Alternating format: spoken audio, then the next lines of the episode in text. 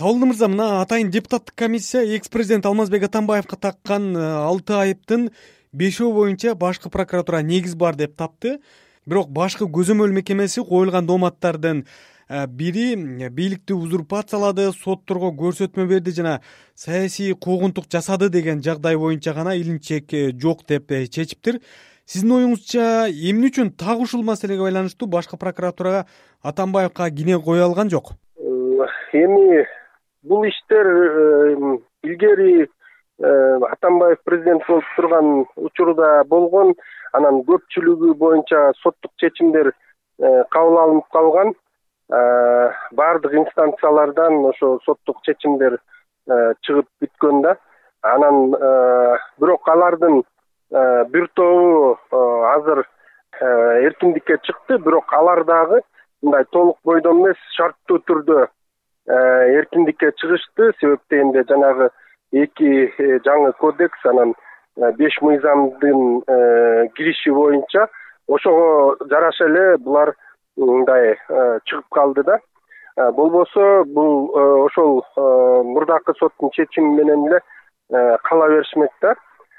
Мына ошондуктан балким азыр ген прокуратура мындай алар боюнча баягы атамбаевди күнөөгө э, тарта алган жок болуш керек деп ойлойм. Негизи коомчулукта жалпы процесстин өзү аябай тез жүргөндөй сезилип жатат.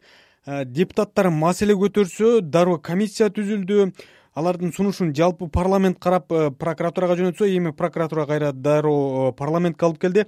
Сиздин оюңузча чын эле жакын арада атамбаевдин кол тийбестиги алынып камакка алынышы ыктымалбы менин оюмча кол тийбестигин э, карап э, эгер кол тийбестиги алынып калса э, менимче эми дароо эле камабайт болуш керек. Бирок мындай сурактар жүрөт сурактар жүрүп териштирүүлөр болот жанагындай очный ставкалар болот болуш керек да.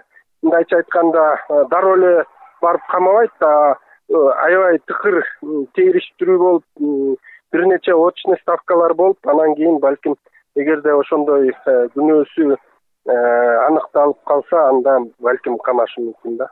Өзүңүз билгендей экс президент э, ага коюлуп жаткан дооматтар жалган экенин айтып сотко барбай турганын керек болсо курал менен коргоно турганын дагы билдирди. Ушул тушта анын тарапкерлери кой ташташ тап түзгөнү да кабарланды. Эгер алмазбек атамбаевге кандайдыр бир чара көрүлсө кырдаал курчуп кетүү коркунучу жокпу? Э, менимче мындай э, кырдаал э, курчубайт деле болуш керек. Себеп дегенде эми баардык мындай айыптоолор өтө коомчулукка кеңири жайылган алар жөнүндө коомчулук жакшы билет. Анан эми баягы коргойбуз деп аткан адамдар граждандар алар түшүнүшү керек атамбаев дагы аларга э, коргологону туура эмес болуп калат. Себеп дегенде ал э, жакшы билет мисалы үчүн ошол эле атамбаев бийликке келгенде жанагы сексен жети адам өлгөндүгү андан башка ош жалал абад окуялары болгон эми мындай ушу териштирүү жүрөр алдында дагы өзүн мыйзамдуу түрдө коргой албай элдерге ошол жерде Э, эжелер жүрөт э, кыздар жүрөт.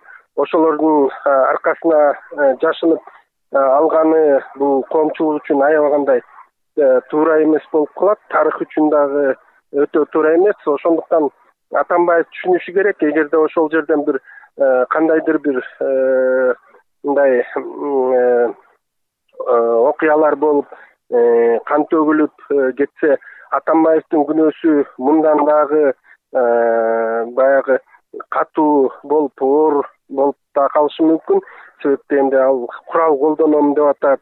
Мамлекеттик балким э, мындай жанагындай өзү айтып жүргөндөй э, мен он миң киши менен ак үйдөн баарыңарды кууп чыгам деп аткандай ошондой бир эме болсо төңкөрүш жагына дагы мындай статьяга мындай илинип калышы мүмкүн. Ошондуктан мен ойлойм атамбаев туура баягы биринчи эмоция менен э, билдирүү жасап алды болуш керек. Бирок ал акыры мындай баардыгын тең түшүнөт э, жана баардыгын тең мыйзамдуу эле аракеттерге барат болуш керек